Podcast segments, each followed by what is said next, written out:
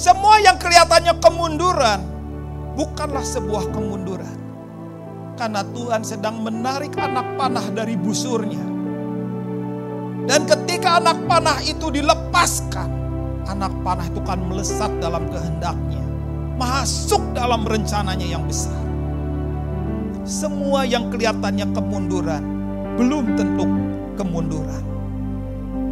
Semua yang kelihatannya berantakan, belum tentu berantakan kalau di tangan Tuhan.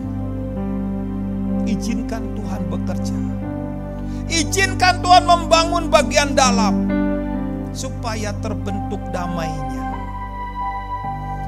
Kalau dalamnya terbentuk baik, dalamnya akan solid.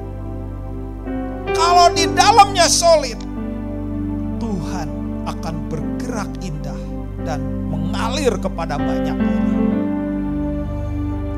Izinkan Tuhan bekerja.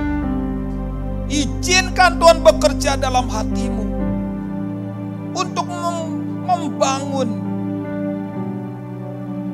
Jangan merusak apa yang dibangun oleh Tuhan.